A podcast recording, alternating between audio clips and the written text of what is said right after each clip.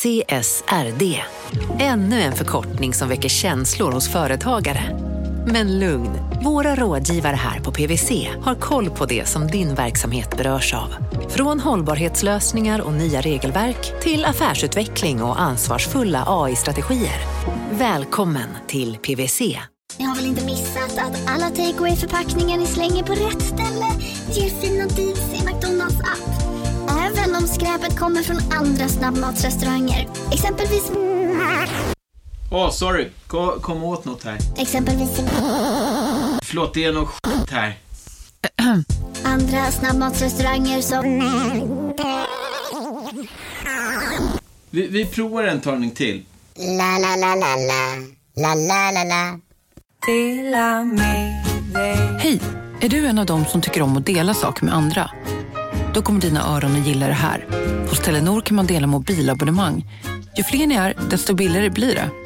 Skaffa Telenor familj med upp till sju extra användare. Välkommen till någon av Telenors butiker eller telenor.se. Paul Media. Du lyssnar på Kapitalet med mig Joanna Korbutiak. Och med mig Gunnar Harjus. Du, vilken härlig så här, engelsk antikrundan-känsla det är på den här musiken. Eller hur? Du kommer förstå sen. Ja.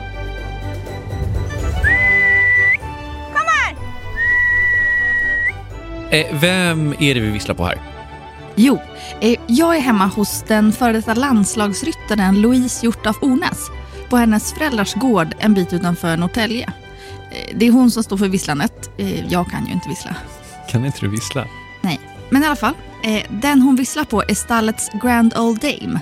Den kolsvarta och numera pensionerade tävlingshästen First Lady och hennes tre avkommor. Mm.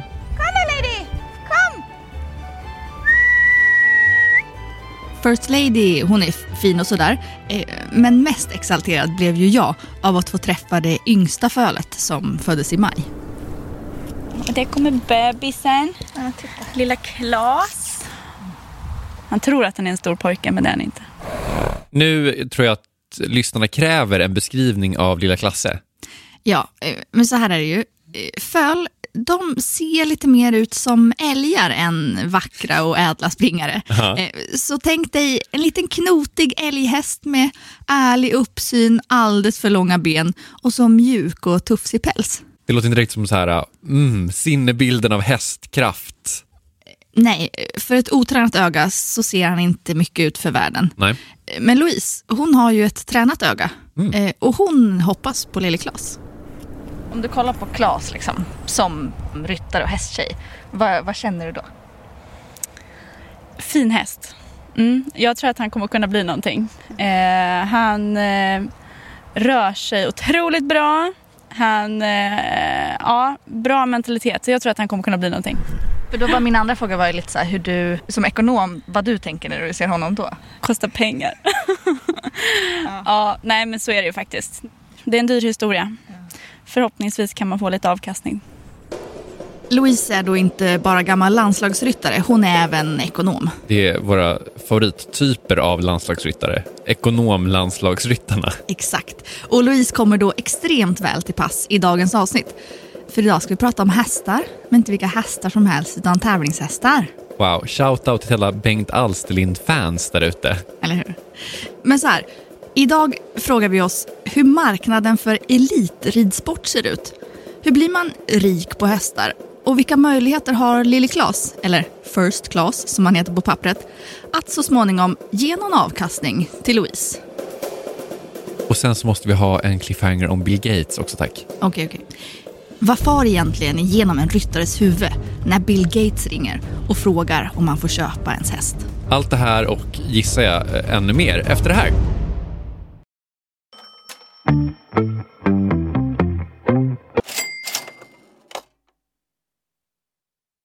Vi sponsras av alltså Storbrand Asset Management som ju förvaltar över 1000 miljarder norska kronor, bland annat för SPPs eh, många pensionssparare.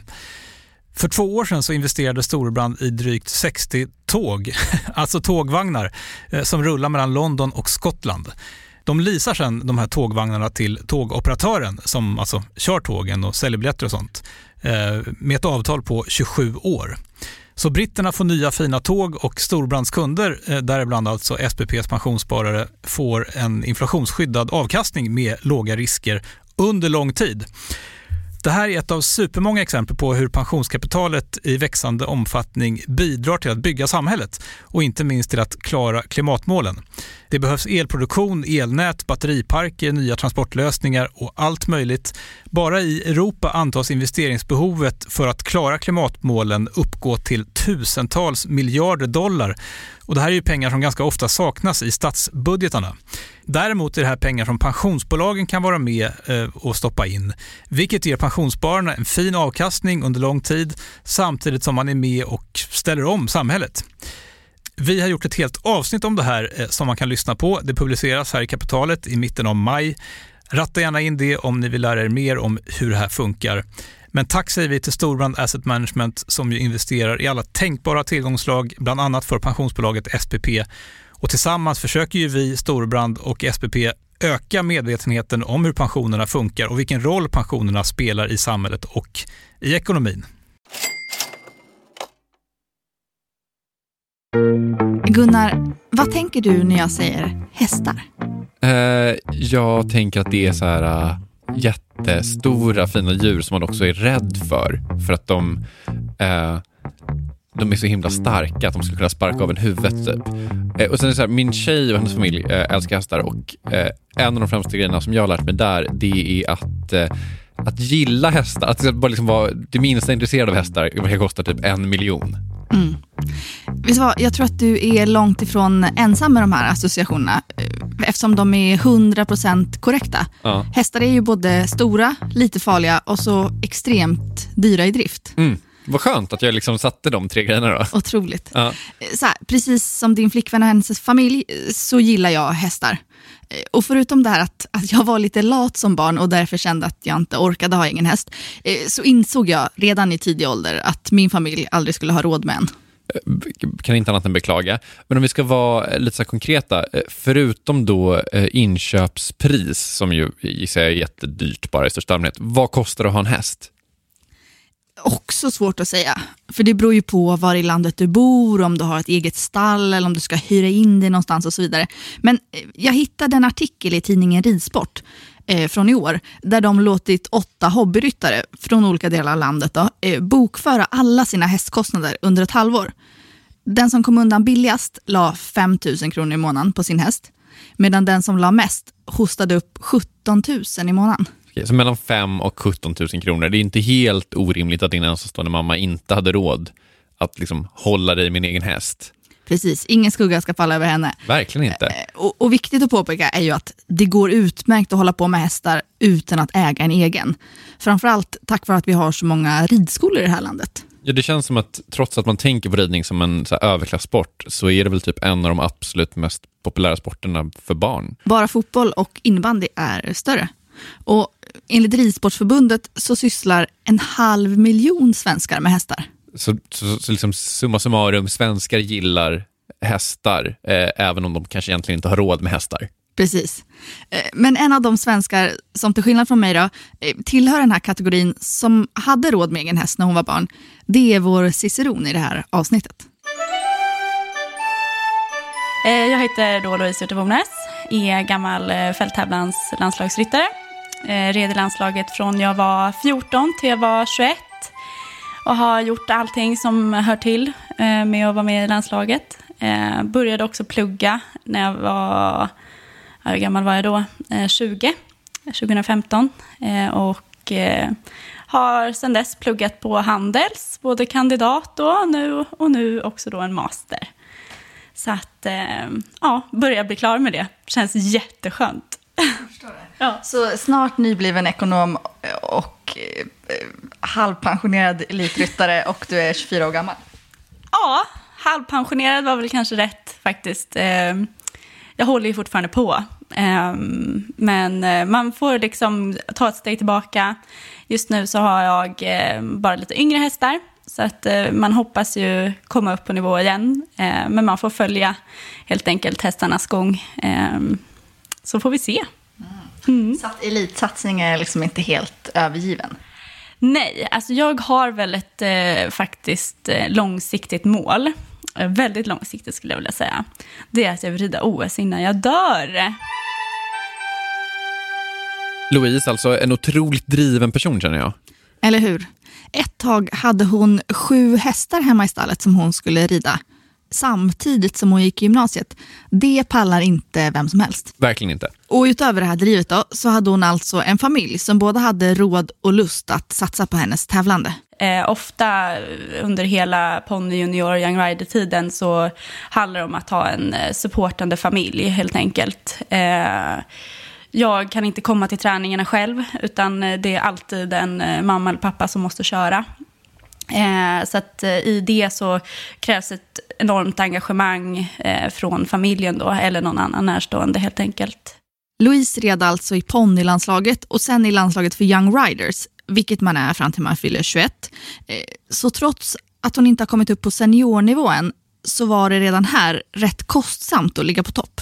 Jag har räknat, eh, i alla fall förut, på vad mina tävlingar skulle kosta en, en säsong. Då, då eh, när jag var young rider. Och då gick bara tävlingskostnaderna upp till eh, ja, strax över 100 000 för en säsong. Så. Okej, så vi har den här driftskostnaden som är i alla fall några tusen kronor, upp till 17 000 kronor i månaden. Och sen ytterligare 100 000 kronor ovanpå det. Det känns som att Louise har jätte, jätterika föräldrar. Ja, alltså så här, redan när Louise red ponny och sen då som young rider på stora hästar så hade familjen en slags business för att få det här tävlandet att gå ihop. Och för oss så har det varit då att vi har köpt in unga hästar eh, för mindre summor, eh, förädlat dem och sen sålt då när man har presterat och gjort resultat. Och sen så gör man om det eh, helt enkelt, om och om igen. Det vi har att göra med här är alltså den klassiska affärsidén köpa billigt och sälja dyrt. Ja, och faktum är att det är i princip så här marknaden för ridsport även på seniornivå och elitnivå funkar. Det vill säga, pengar in på kontot, det kommer när man lyckas sälja en av sina hästar. Men alltså så här, någon annanstans måste det komma pengar från också. Alltså det måste väl finnas typ prispengar och spons och sånt där. Prispengar finns absolut, men problemet där är ju att du måste hamna på pallen för att få ta del av kakan. Eller som man säger inom ridsporten, bli placerad. Fancy. Eh, men så här, historiskt har prispengarna inom ridsporten inte varit så imponerande. Eh, men de senaste åren har det dykt upp nya tävlingar där vinnarna kan åka hem med miljoner. Men då är det inte så lätt att få vara med på de tävlingarna. Men, det är liksom inte prispengar som får den här ekonomiska världen att gå runt. Nej, det tycker jag att vi ändå kan slå fast. Men det är ju ganska intressant det här med prispengarna. Så vi gör så här. Vi lämnar det nu och så gör jag ett litet bonusavsnitt. Härligt. Blir det ett bonusavsnitt om spons också? Nej, det, det, kanske är med på ett litet hörn i prispengsbonusen. Okay. Eh, men tillbaka då till det här avsnittet. Ja. Eh, så jag ställde frågan om hur sponsring funkar inom ridsporten till Louise. För min bild, det var att den ligger liksom lite efter annan idrott. Eh, men Louise höll inte helt med. Nej, men jag skulle säga om vi tittar på H&M till exempel som sponsrar eh, Malin eh, Bajard och Peder eh, Fredriksson så de är otroligt engagerade i deras eh, satsning eh, och är med och köper in hästar och finansierar deras satsning. Så där har vi en väldigt stor sponsor. så. Ja, så stora sponsorer som pumpar in pengar, det finns. Men för många ryttare som drömmer om att nå eliten, då ligger ju sponsen på en lite annan nivå. Man jobbar med lokala sponsorer, med utrustning och rent så likvida medel också. Eh, som man då kan sälja till exempel eh, plats, eh, vad heter det, annonsplats på, på lastbil eller eh, så. För det är ju också mycket exponering man får när man är ute och tävlar mycket. Så prispengar och spons i all ära, men låt oss återgå till den klassiska affärsidén köpa billigt och sälja dyrt. Eftersom det är där det går att göra de riktigt stora pengarna. Mm, vi återgår. Då visar det sig ju att det här med att köpa billigt och sälja dyrt, det, det är en sanning med modifikation. Eh, för hästarna som krävs på elitnivå, de är ju aldrig billiga. Så det är snarare kanske då köpa dyrt och sälja ännu dyrare som är liksom beskrivningen av vad det är som pågår? Exakt. Och då, då räcker det ju inte längre med att ha en stöttande familj bakom sig som Louise hade på Young Rider-nivå.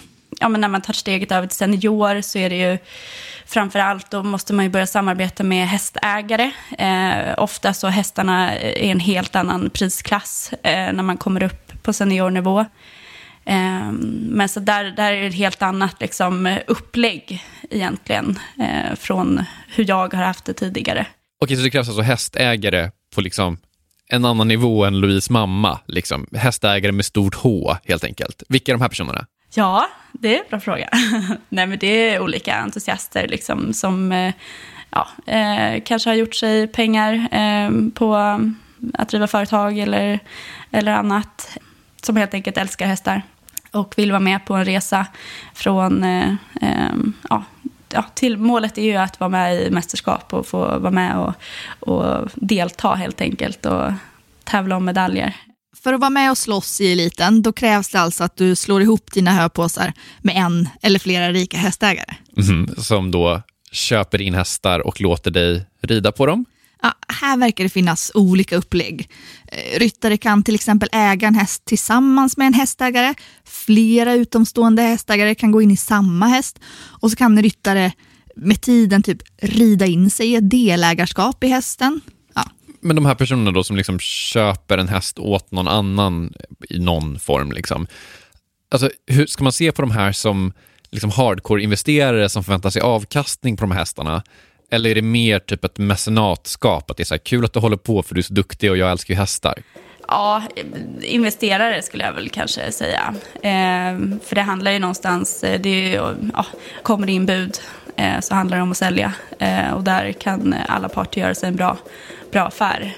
Men sen är det ju också i hästsporten, man är ju så otroligt utsatt. Har man bara en häst eh, på toppnivå och du får ett bud på den, ja då är du ute ur spelet. Eh, och där har man också en, ett val att göra då. Eh, vill jag vara kvar i toppeliten eller i toppsporten eller vill jag eh, mm, kamma hem den här vinsten som eh, ligger på bordet. Så det är, det är otroligt svåra avvägningar som man har. Eh, både då som hästägare då och eh, ryttare. Eh, så där gäller det också att kommunikationen och relationen mellan ryttaren och hästägaren är god. Och att vill ryttaren ha kvar den så ska också hästägaren vara beredd på att fortsätta finansiera. Jag såg den här dokumentären om Peder Fredriksson som är väl typ en av världens bästa ryttare och han hade en häst, eller har en häst, som heter All In. Eh, den här dokumentären gick på, på SVT för några år sedan. Och då är, finns det en scen i den här dokumentären när han liksom, det är bara typ några månader kvar till typ OS tror jag och då får han ett bud på den här hästen på så här 100 miljoner spänn. Och så är det liksom en bild när han står och pratar med sin hästägare som är någon så här hm arvinge Jag tror det är, så, vad är det, Charlotte Söderström.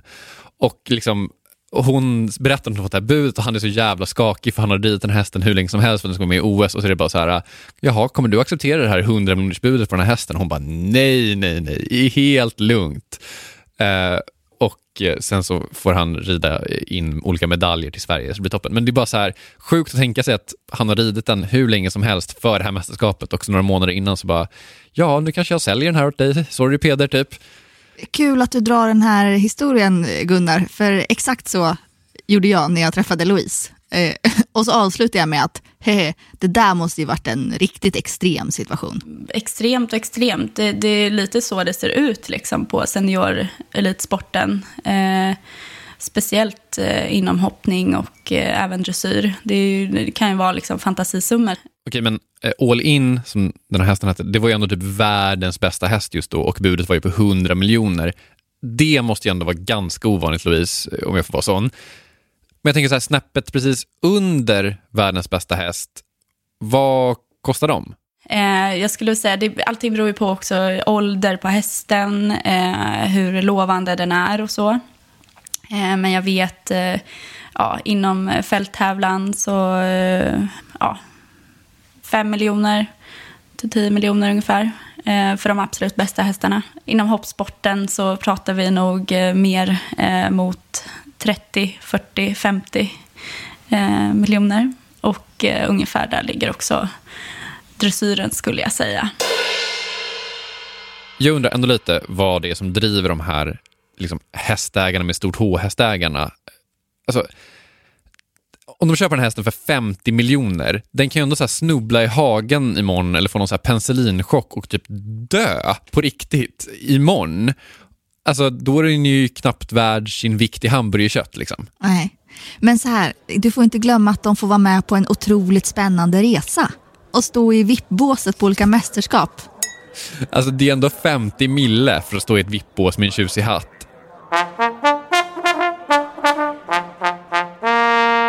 Jag tänker så här, att det ses som ganska glamoröst att investera i hästar för att det är så himla dyrt och att det kanske är jättedyrt för att det ses som väldigt glamoröst. Glamoröst eller inte, faktum är i alla fall att hästägarna med stort H, de verkar otroligt villiga att ta den här risken och investera i de här ömtåliga djuren. Tillsammans med en del rika och hängivna hästföräldrar faktiskt. En bekant till mig, eh, Bill Gates, ringde liksom och, och bjöd på en häst. Eh, många frågor nu. Eh, det första är, vad ska Bill Gates med en häst till? Jo, men han är ju alltså en sån här rik och hängiven hästförälder. Bill Gates har nämligen en dotter, Jennifer, som eh, tävlat på högsta nivå i hoppning. Oklart om hon fortfarande gör det. På hennes Instagram såg jag att hon börjat läsa medicin. Men i alla fall, hennes intresse det har fått honom att köpa några olika hästgårdar runt om i världen för ett par hundra miljoner kronor. Och så har han ju då även ägnat sig åt att ringa runt till olika ryttare och försöka köpa deras hästar. Det är ändå kul tanke att Bill är så engagerad i sin dotters hobby att han liksom själv ringer för att köpa en häst. Jag tänker så här, Bill Gates, typ världens rikaste person någonsin. Han får hosta en del för en polle, tänker jag. Hur mycket fick Louise bekant för den här hästen? Vet du vad? Vi tar det efter reklamen.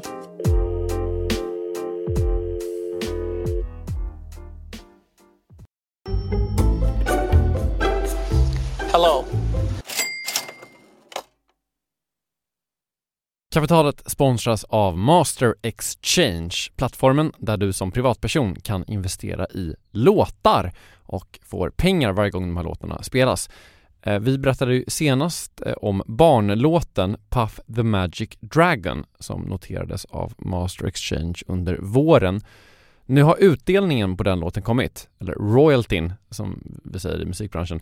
Eh, den ligger på drygt 12% i årstakt och det här är ju en avkastning som är helt okorrelerad till eh, börsen. Till och med Goldman Sachs har börjat skriva om just musik som investering eh, just ur det här perspektivet. Nu finns en möjlighet att investera i en ny låt. Låten heter Boss Bitch och den är av Doja Cat som, alltså jag ska inte säga att jag är superdeep här men eh, det är ändå en, en, person som jag vet om det är. En, en världskändis. Den här låten gav baserad på förra årets spelningar en avkastning på drygt 13% Master Exchange har just nu en väntelista på registreringar. Det, det går lite för bra för dem kan man säga. Men Skriver ni in kapitalet som promo code så kan ni eh, runda kön och ansöka om andelar i låten Boss Bitch ändå. Om ni investerar helt vanliga pengar, det är inget krypto eller sånt där, så vill du investera i musik och få en avkastning som är helt okorrelerad med börsen och kanske inte minst för att det är kul att äga låtar eh, så kan man gå in på masterexchange.com och använda kapitalet som promo code så går man alltså förbi kön. Kom ihåg dock att alla investeringar är förenade med risk, men vi säger stort, stort tack till Master Exchange. Kapitalet sponsras av Karla, Jakob. Ja, bilar igen. Ja, det är eh, härligt. På Karla kan man sälja sin elbil eh, på det gissningsvis smidigaste sättet i Sverige. Eh, Karla har ju ett nästan ett komiskt högt användarbetyg på Trustpilot. Mm. 4,8 av 5, vilket jag typ aldrig hört talas om. Nej, det är väldigt, väldigt högt. Eh, man knappar in lite info om bilen på sidan, sen får man en gratis värdering och ett bud. Accepterar du budet kommer Karla och hämtar upp bilen gratis och sätter in pengarna innan de kör iväg. Inget mer än så. Rätt fantastiskt. Nej, det är faktiskt ja. helt otroligt. Och eh, det kan bli ännu mer eh, otroligt än så. Eh, för att vi har nämligen en rabattkod som ger dig 2000 kronor extra för bilen. Så om du säljer din bil så får du två lax extra. Stämmer. Bara sådär. Koden är Monopol och den uppger du när du har värderat bilen och pratat med Karlas inköpare. Koden är giltig till sista maj så att passa på om du går i säljartankar. Jag undrar om vi haft en kod som har gett två lax bara sådär någon gång. Nej. Det är helt otroligt. Man behöver en bil förvisso. Absolut, så det är inte, kanske inte bara sådär, men det är ändå 2000 kronor extra. Väldigt bra. Ja. Så sälj din elbil eller laddhybrid till Karla. Du får 2000 kronor extra med rabattkoden Monopol. Eh, hoppa in och kolla på karla.se, Karla Museet. Där kan man också köpa bilar ska jag tillägga. Verkligen. Vi säger stort tack till Karla. I'm Bill Gates, chairman of Microsoft.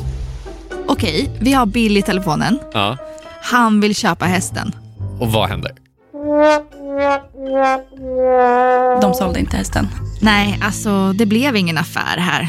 Trots att det enligt Louise var ett väldigt bra erbjudande. Ja, det var det. Du hör, till och med Louise mammas fyra terriers blir exalterade av att höra om den här historien. Men okej, Bill fick alltså nobben. Vad for igenom den här ryttarens huvud? Där handlar det om att man vill vara kvar. Det är en fantastisk häst. Ehm, och de, eh, helt enkelt de pengarna som kommer in där, det slår inte de eh, erfarenheterna man får med om helt enkelt. Samt att man kan säga, jag har nobbat Bill Gates, vilket inte så många ska säga. Nej, en fjäder i hatten. Mm. Ja. Men vet du vad, det kanske också var lika bra för Bill. Eh, För det är hyfsat svårt att göra en bra affär rent ekonomiskt när man köper de allra dyraste hästarna.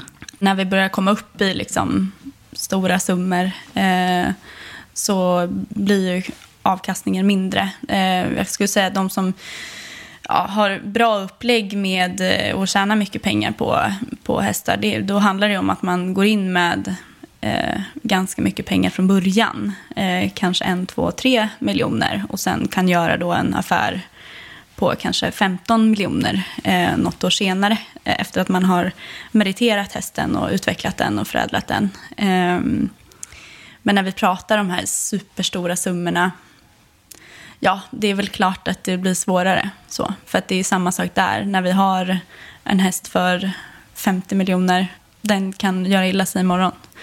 Och då vet man inte om man får tillbaka de pengarna. Skönt att liksom Bill inte gjorde en dålig affär. Nu kan jag sova gott om natten i alla fall. Ja, även Bill. Eh, Men då, då eh, sammanfattning. Pengar in som elitryttare, det får man framförallt genom att sälja sin bästa häst till en rik hästägare. Som då i många fall verkar vara helt fine med att aldrig se de här pengarna igen. Ja, det är alltså det vanligaste businessupplägget. Men inte det enda. Så här, marknaden för riktigt fina hästar och potentiella framtida stjärnor, den drivs ju inte bara runt av elitryttarna själva. Och för marknaden i stort så ser Louise en utveckling mot att hästföretagare blir allt mer specialiserade på en del av kedjan. ja, man brukar säga att ridsporten är väldigt traditionell och lite underutvecklad. Eh, men man ser eh, mer och mer att eh, vi går emot en mer liksom, nischad eh, industri där det handlar om att eh, vissa ryttare specialiserar sig på till exempel då, ja, men att man tar en häst från inridning till att visas på test och att man köper den tjänsten då av en ryttare. Eller till exempel att eh, ja, någon specialiserar sig på hingstar som är mellan 3 och 6. Ehm, alternativt att man eh, specialiserar sig på problemhästar. Ehm, och då såklart också att eh, vissa ryttare eh, är mer liksom, de presterar på toppelit och är, är nischade där liksom den här allmänna ryttaren eh, som tar liksom hästen från, från start till slut eh, är inte lika vanlig. Eh, och jag skulle säga att det är nog egentligen en ganska hälsosam utveckling av sporten. För det är bara att titta på ja, vilken annan produktion som helst. Det är inte någon som gör, sätter ihop delarna från A till Ö. Utan det är uppdelat i olika specialiteter. Eh, och ditåt går även hästsporten eh, faktiskt. Och det tror jag att det kommer gynna sporten generellt i framtiden. Vilket låter extremt rimligt ur ett eh, så rent ekonomiskt perspektiv. Ja, men problemet är ju att hästsport inte bara är pengar. Aha. Låt oss ta Louise som exempel. Hon konstaterar ju det här med att, att ha ett föl från ax och göra det till en riktigt dyr limpa, det är inte så smart.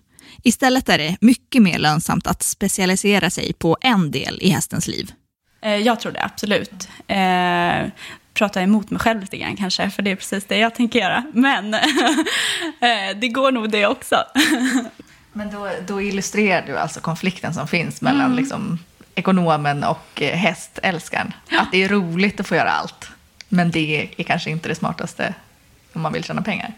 Nej, precis. Sen är väl jag, eh, skulle säga om mig själv då, att eh, om det är så att det kommer upp ett bud på bordet på någon av mina hästar, så eh, är det bra, då säljer jag. Jag, jag skulle nog inte värdesätta att få tävla någon tävling, eh, det säger jag nu i alla fall, högre än att eh, faktiskt göra en deal. Eh, där slår nog ekonomihjärnan eh, faktiskt hårdare än eh, den här passionen för hästarna.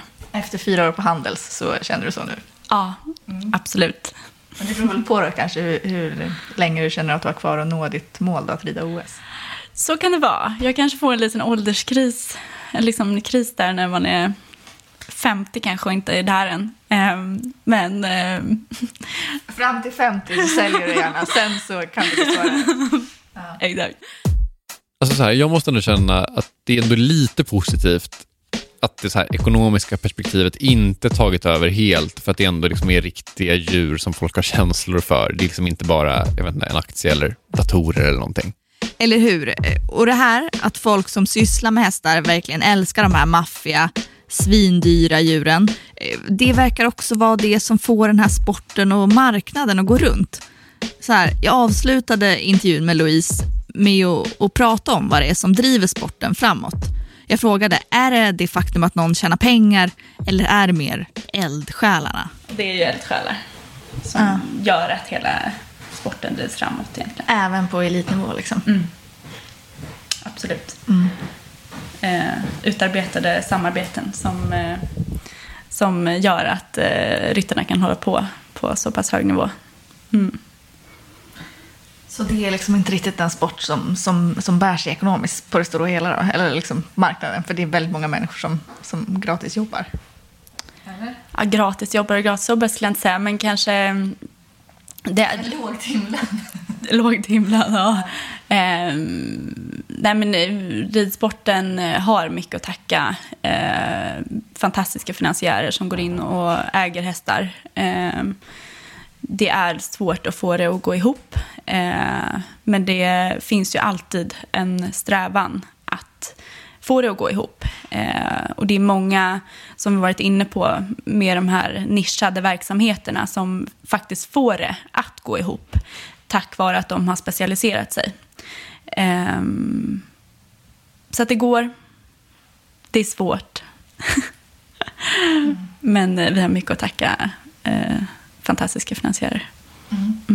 Så tack till, till de rika finansiärerna och till de som, som är eldsjälar. Ja, men det är en kombination kan man säga. Ja, absolut. Ska jag säga. Mm. Och med det tacket till de rika finansiärerna och eldsjälarna så är kapitalet slut för idag. Mm. Och den som är sugen på att höra mer om det här med prispengarna som vi pratade om innan, eh, vad det kan kosta att vara med i de största tävlingarna och hur mycket man kan tjäna på det, eh, den kan nu lyssna på ditt bonusavsnitt. Teaser. Det kostar 20 miljoner kronor typ. Var med i en tävling.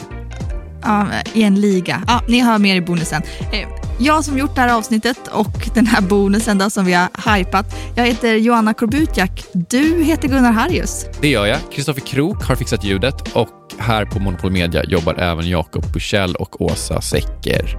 Hej på er. Hej! Jag är ganska, jag är ganska bra på djurljud generellt.